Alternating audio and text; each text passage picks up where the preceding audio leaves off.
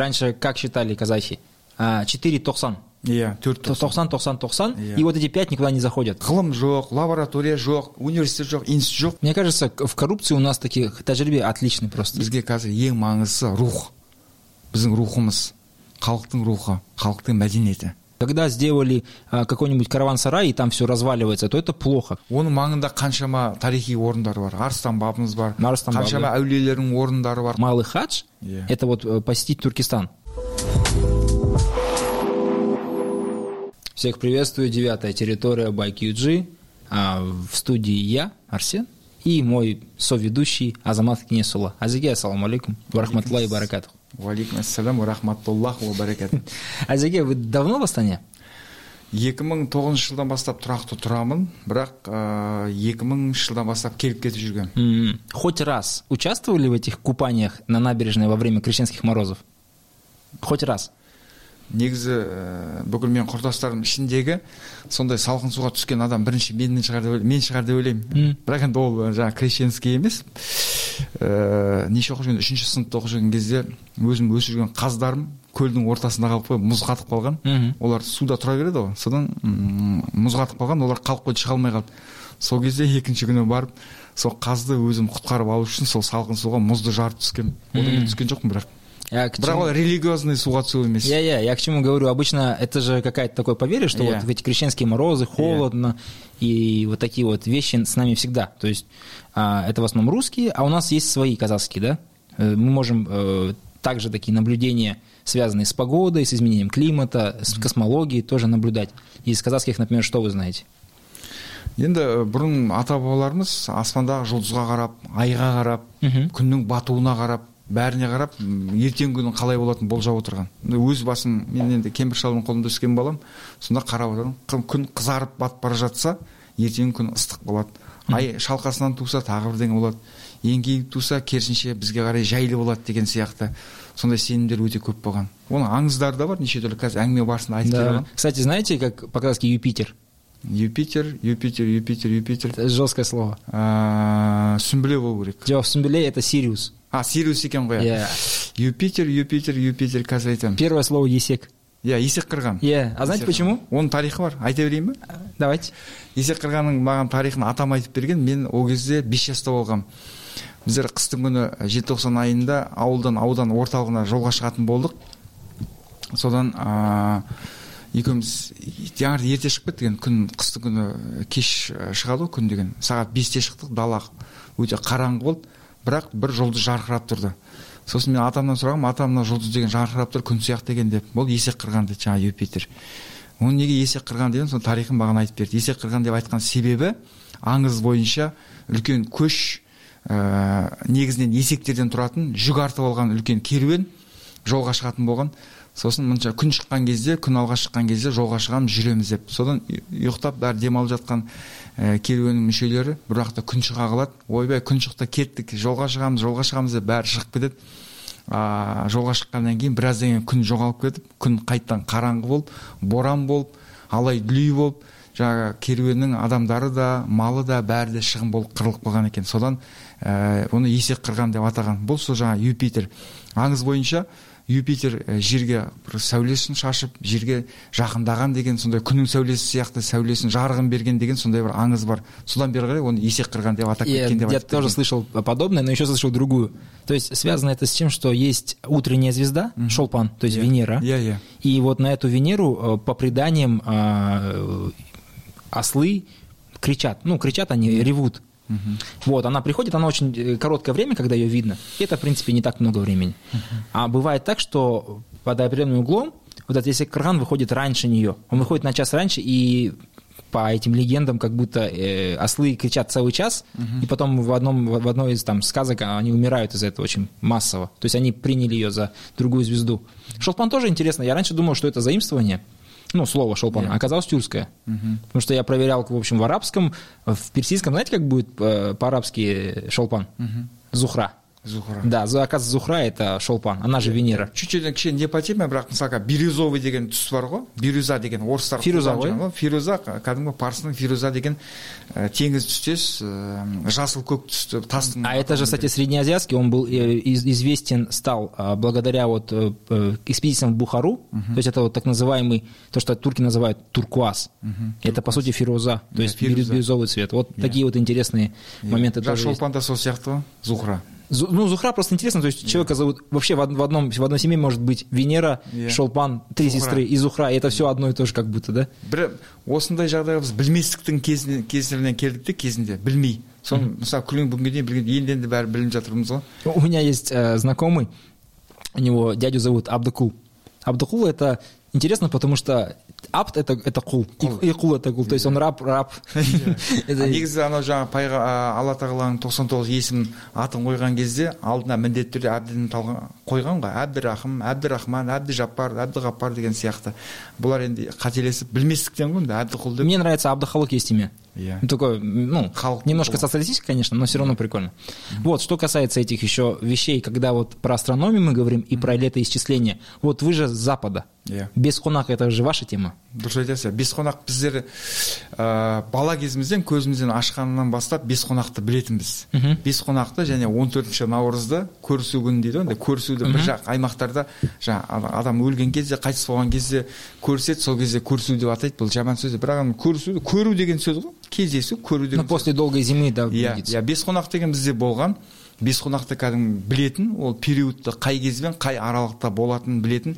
Оған дейін жаңа малды кішкентай жаңадан төлдеген ә, лақты қозыны жас малды далаға шығармайды оған дейін. Және ол аралықта жолға шықпайды. Мгм. өйткені қазір жердің бәрі гүлдеп шөп шығып керемет ап ашық болып тұрады да. А бес қонақтың кезінде жаңағы бес күннің ішінде алай дүлей боран болып қайтадан қар жауып адам шығынына мал шығынына ұшырауы мүмкін. Соған кәдімгі мән береді. Ол табиғаттың құдіретті күші деп оған жай ғана бір бес күн деп атамаған қонақ деп атаған да қонақ біз үшін ол құрметті нәрсе ғой. Ол қонақ келеді оны біз күтуіміз э, керек по- деген сияқты. Хонак, потому что он же, как вы говорите, раньше как считали казахи?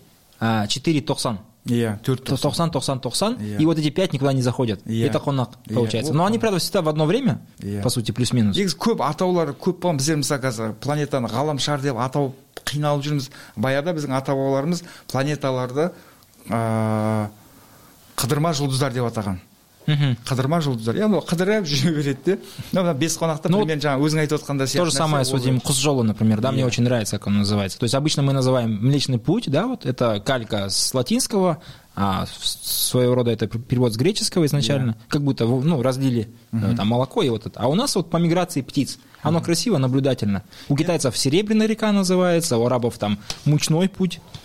Вот, а у нас вот Кусжоло. Очень біздер, красиво. біздерде кез келген нәрсенің бәрін бір ғылым жоқ лаборатория жоқ университет жоқ институт жоқ бірақ кез келген нәрсенің бәрін нақты функциясын білгенде мысалы енді кішкене темаға сәйкес келмейді бірақ дегенмен де атауға байланысты айтып отырмыз ғой мысалы жаңағы әм, жаңағы поджелудочный железаның қазақшасы қалай еді? Жез... э, жоқ ә, поджелудочный под- ұйқы безі ұйқы безі оны орыстар поджелудочный железа деп айтқан орыс тілінде. Өйткені оны ашып көрген асқазанның астында тұрады. Без. Ағылшын тілінде ол the деп ма аталады түріне қарайды да тасбақа сияқты латинского. иә бізде ұйқы безі оның функциясын не үшін жауап беретінін тіпті білгенде сол сияқты жаңа сенің айтқандай құс жолы деп нақты конкретно айтқан сол бағыты негізгі миграцияның бағыты кез келген нәрсенің функциясын білгенде ол не екенін білген қандай Ну вот с Темирхазов то же самое, Я да, то есть она вот как бы как будто вбита Я. в центр, и вокруг нее движется, она иә. нет.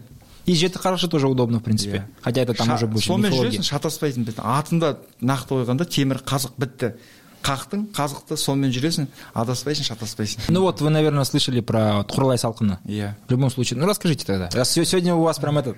иә құралай салқын енді ыыы, құралай Сал- мен де бұрын ойлайтынмын неге ыыы, құралай салқын деп атады ол жайдан жай нә- нәрсе емес. Неге? Нақты сол момент Это, деп. это примерно в мае всегда. иә. Менің бір естіген ақпаратым бойынша ә, еліктер жалпы ана мал төлдеген кезде мысалы сиыр туғанда ә, ешкі болсын не болсын үй малдарының бәрі туған кезде кез келген лағын төлін үстін жалап кептіреді.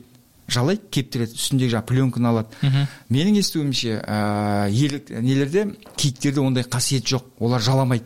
Олар сол желдің қатты соққанын немесе қатты жаңбырдың жауғанын күтеді. Желмен үстін кептіреді жаңбырмен үстін жуып тастайды жаңағы пленканы. Сол үшін олар сол нақты сол моментті пайдаланады. Яғни ол салқынды біледі. Адамнан бұрын оларда жаңағы өзінің интеллектісі бар ғой белгілі бір деңгейде. Сол салқын моментті пайдаланады. Және сол кезде шығатын бір өсімдіктің түрлері бар. Жапырағы үлкен атын қазір есімде жоқ ұмытып қалдым. Ә, сол жапырақтың қасына барып тууға тырысады деген де ақпарат бар. Жапырақ үстін жауып жатады жаңағы лақтың аяғынан тұрып кеткенше енді еліктің ә, они сразу встают сразу тұрып кетеді бірден. Бірақ сол дегенмен де жауып жатады екен белгілі бір кезеңде. Сосын жаңағы аң құс аспаннан ұшып келе жатқан құстар жыртқыш құстар байқамайды. Я слышал также версии что потому что сильный ветер, они так приспособились, что они бегут против ветра, чтобы mm-hmm. максимально себя а, изнурить, угу. и только потом рожают. Это очень важно, потому что эти схватки, все, что связано с деторождением, ну, не деторождением, а окотом, да? Окот, я. Окот. Вот, это раз. Два. А, пуповина, все эти вещи, а, когда тепло, то могут уже в то время быть в типе мухи и так далее. Это очень плохо для вот этих вещей. А когда холодно, оно успевает, успевает зажить, э, и потом как бы заражения не бывает. Ну и третье, очень важное, в это время, как, поскольку они сразу встают на ноги, угу. а, вот эти вот молодые хурлай, маленькие точнее, они ходят сразу и при холоде и дожде получают максимально э, хороший иммунитет. Угу. То есть они сразу уже готовы. Да, да, да. И, и вот в этом плане, ну, очень э, интересное такое, э, как бы скажем, замечание наших предков, что они вот увидели, что так оно случается. біздің ата бабаларымыз кез келген нәрсеге мән бергенде және оны білген жылдар бойы бақылап жүрген түртіп жүрген дегендей ну это тоже очень важно на самом деле. Мен енді мүлдем бұның бәрі бірыңғай фольклор деп есептемеймін. Бәр, дегенмен де бізде бәрі ғылым болды. Мысалы жаңа ұлықбектің обсерваториясы. Оған дейін де біздің территориямызда аспан денелерін бақылайтын орындар болғанына мен өзім ешқандай күмәнім жоқ және сенемін.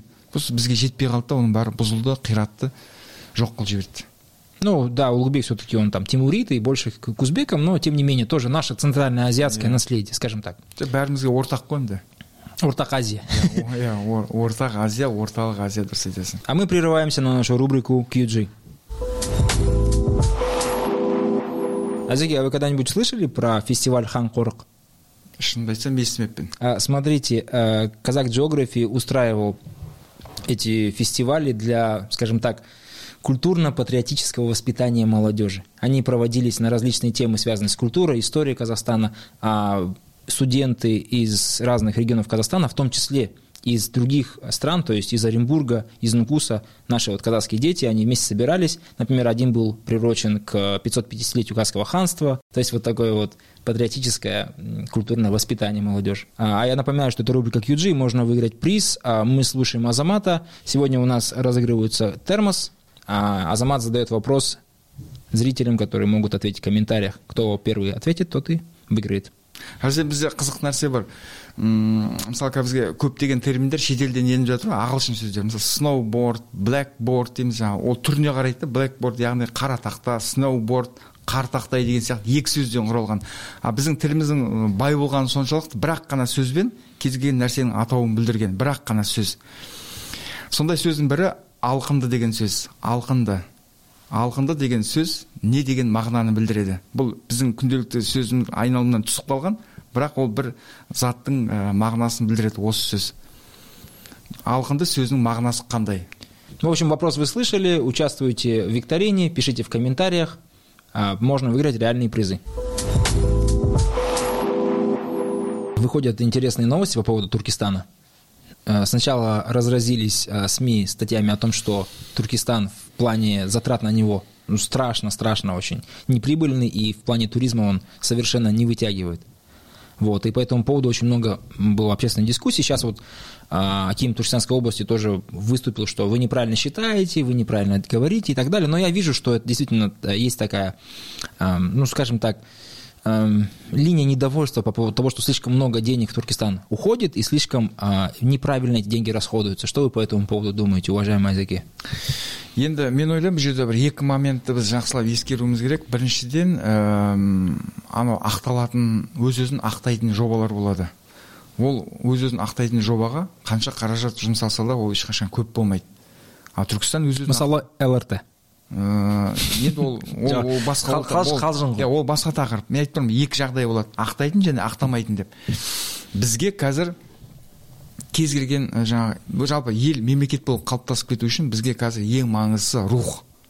Біздің рухымыз халықтың рухы халықтың мәдениеті. Мхм.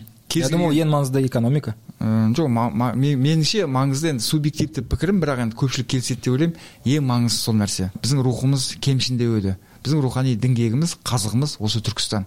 Сондықтан да енді екінші мәселе біз қаражат көп дейміз басқа дейміз ол қандай критериймен өлшеніп жатыр көп деген ну есть же э, KPI просто эффективность вложений когда сделали э, какой-нибудь караван-сарай и там все разваливается то это плохо когда э, реставрацию делают совершенно бутафорскую и уничтожают аутентичные там элементы былого вот былой архитектуры это плохо когда вокруг Акимата хороший сад а все остальное погрязает погрязло в нищете это плохо когда ты идешь э, по Туркестану, тебе говорят, извините, тут сейчас пройдет президент, э, идите там в огород, там посидите и не выходите из отеля, это плохо. Вот это плохо. бұл жерде де екі момент бар біріншісі бәрі ә, тәжірибемен келеді бұл да біздің тәжірибемізде болмаған нәрселер бұндай кемшіліктер ол адам жүрген жерде ондай нәрселердің болуы заңды нәрсе мне кажется в коррупции у нас таких тәжірибе отличный просто енді ол жемқорлық деген ол басқа мәселе ол басқа мәселе. Одан кейін екінші ол кез келген нәрсені кез келген жобаны апробировать ету керек. Тәжірибеден сынақтан өткізу керек. Мхм. Мысалы жаңағы қазір түркістан маңайында біз енді үнемі негатив жағын айтамыз да негатив көп бізде. Позитив жағын айтпаймыз. Позитивный жағы мысалы түркістанның аңызақ жел он екі ай бойы борап тұратын топырақты қазір тоқтатудың амалдарын жасап жатыр. Не істеп жатыр. А, түркістан маңайына үлкен жасыл желек жасыл белдеу орман отырғызып жатыр. Ал орманды әкеліп құрғақ жерге жаңағы несі табиғаты климаты шұғыл континенталь резко континентальный жерге келіп отырғыза салған шықпайды ол. Ол қайдан шықты? Ол біздің одан тәжірибеміз болды. Ол тәжірибе қайдан келді. Ол астананың айналасына елордамыздың айналасына орман отырғызып көрді білді ғылыми база қалыптасты мәлімет қалыптасты. Содан кейін бар соны қазір емін еркін апарып сол жерге орналастырып жатыр. Дәл сол сияқты қала салу қаланы қалпына келтіру көтеру дегенде ол да тәжірибемен келесіде келесіде дәл сондай. Мысалы біздің бір ну, нет давайте так. Когда вот про Астану хорошее очень сравнение. Uh-huh. И вот люди же ругаются, потому что Туркестан становится второй основной, yeah. дырой, в, в которую вкладывают деньги, yeah. где там придумали какой-то план. И, ну, если раньше стройка, народная стройка была Астана, сейчас народная стройка Туркестан. енді қазір елордамыз салған онда қаншама адамдар мүлдем бұл елорда болуға жарамайды жаңа айтып отырған жасыл белдеуіміз өспейді деген сол кездегі президентімізге айтқан елбасына өспейді мына жерде деп өсті ғой бәрі шықты ғой өз өзін ақтады мысалы сіз қазір осы астананың нұр сұлтан қаласының тұрғыны болғаныңызға өкінесіз бе өкінбейсіз ғой қазір солтүстіктен астанамызды салды өзіміз то что стала столица я рад как она стала столицей не рад енді столько то есть можно было сделать город намного лучше чем он есть сейчас надо признать это страшно жоқ енді кез келген мысалы соғыста адамның шығынсыз техниканың шығынсыз болмайды ғой примерно сол сияқты нәрсе ғой бұл бұл да күрес күрес күрестің жолында бәрі болады шығын да болады басқа ну давайте вот туркестан Э, он важен. Для казахов очень важная э, веха, да, скрепа. Вот наш э, Туркестан это наш духовный, как вы говорите, центр. Согласен. И еще важно, что для Казахстана вот он остался из всех вот городов Центральной Азии, средней, там Самарканд есть, да, ровесник Рима, там Бухара, Хива, Хорезм. Туркестан наш. И вот очень важно, что у нас есть вот кусочек вот этой вот старой, э, древней, э, среднеазиатской истории, и мы должны его вот как-то в этом плане пестовать. И мне поэтому, суть обидно, потому что а, это очень-очень тонкий должен быть подход к этому всему, чтобы не... То есть там а, вот эта глазировка, да, вот эта вот а, на стенах, ее до сих пор в мире не могут воспроизвести. Не дай Аллах, что случится так, что ее придется там реставрировать, кто-то замажет стены белым, как это бывает иногда. Uh-huh. Но у нас же есть пример там Сарайшика, который тоже типа очень важен, на самом деле это супер город был в свое время супер важен, но он настолько заброшен, никто не интересуется, а надо бы, надо бы. И поэтому Туркестан, он важен, да, это столица тюркского мира, сейчас там саммиты должны проводить, через него сейчас... дұрыс айтасың жаңа өте жақсы ремарка айттың бұл тек қана түркістан тек қана біздікі емес бұл бәленбай құрамына ондаған елуден астам ұлттың басын біріктіретін түркі дүниесі деген ұғымның соның орталығы. Бұл тек қана біздікі емес. Ойлаңызшы қандай глобальный. И название туркестан это же yeah. не просто город. Yeah. туркестан это целый регион. То есть от синьцзяня до, там, не знаю, до Каспийского соның моря. символикалық атауын алып отырған Сильно, қала. сильно. сондықтан да біздер бұған міндетіміз еді. Біздің тарихтың алдындағы бүкіл түркі дүниесінің алдындағы міндетіміз еді. Бұны қалай да қалпына келтіріп енді қазіргі ә, нарықтық қатынастар қазіргі подход басқаша ғой? Қазір оны таныту үшін неше түрлі жаңағы пиар ходтар жасау керек әрекеттер жасау керек Сейчас деген э, рейсы передвинули Я. в Туркестан. Я. Ну, насколько это экономически целесообразно, непонятно, но, с другой стороны, можно посмотреть. Я. В- Поедешь в Ташкент, через Туркестан лети, два дня в Туркестане, отдохни, красиво. Әлбетте оның маңында қаншама тарихи орындар бар арыстан бабымыз бар Арыстан бабы, қаншама әулиелердің орындары бар қоныстары бар ана жерде сәл жүрсеңіз жүз жиырма километрден отырар қаласы бар жүз жиырма емес даже одан да аз отырар қаласының орны бар. Да, там Сайрам. бұл негізі түркістан қаласын жаңғырту бүгін ғана басталып кеткен жоқ ол. Осыдан екі үш жыл бұрын басталып кеткен жоқ. Бұған дайындық біз тәуелсіздік алғаннан бері қарай жүріп жатыр. Қаншама қазба жұмыстары жүргізді қалаларды қалпына келтіру жұмыс. Яғни ол бірден оның алдында қаншама мемлекет аралық келісім ә, келісім шарттар келіссөздер жүргізілді. Мысалы түркістанға келген адам жаңа айтып отырған ташкенттің де самарқандың да бұхараның да хиуаның да ә, қамтып кету жағын бір тұтас ә, туристік маршрут жасау туралы оның барлығы бәленбай жыл бойы келіссөз жүргізіп жатыр соның нәтижесі енді біртіндеп қазір соған келе жатырмыз осы жобаның бір апогеясына нәтижесіне келе жатырмыз Согласен. А Вопрос-то не в том, что развивать Туркестан или нет. Здесь вот вопрос не должен стоять так. Туркестан очень важен. Yeah. И очень важно не испортить что-то там. Очень важно не превратить его в что-то бездушное, ком- коммерческое там, или административное. Он должен быть именно таким, каким он а, является духовным центром силы. А, Это просто точка, которая а, сама собой обозначает всю нашу историю, всю казахскую историю можно уложить в один вот одну фотографию Туркестана. Все сразу понимают, что там Тайказан, что там захоронение наших ханов. Я думаю, ни, ни- ни у одного казаха, вот посмотрев э, или посетив э, мавзолей, не бывает так, что у нас э, струны души не играют. Ни у одного.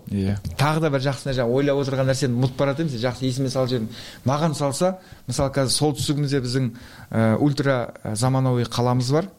Астана елорда нұр сұлтан қаласы ә, оңтүстігімізде түркістанды жандандырып жатырмыз біздер төрт полюсімізді маған салса түгендеп тастаушы едім.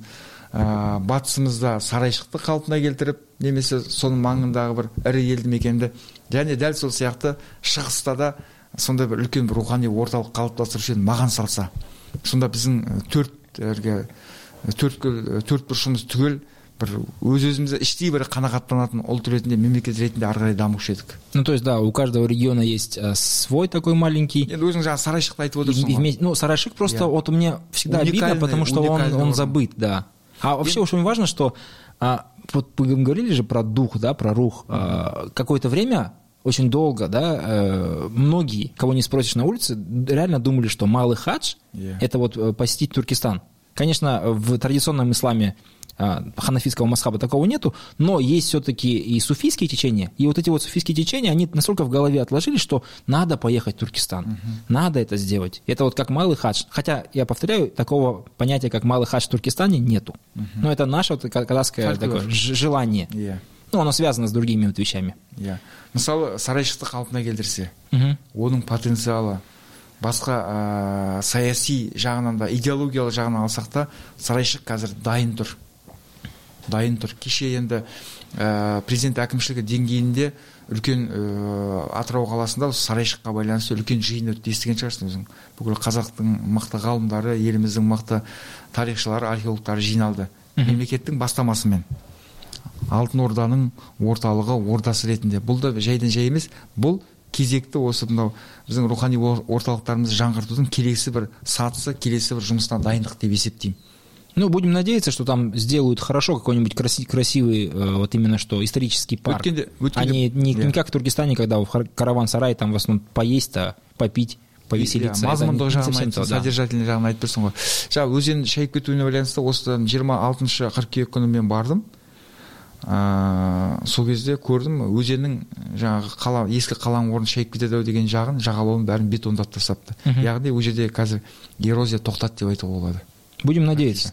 Потому что я, я думаю, что когда-нибудь у нас руки дойдут до Сарайшиха, при том, что это, это важно не только с точки зрения а, Золотой Орды, да, нашей преемственности, но там с- лежит э, хан Касым, иә э, величайший из наших ханов. иә А Это надо не забывать.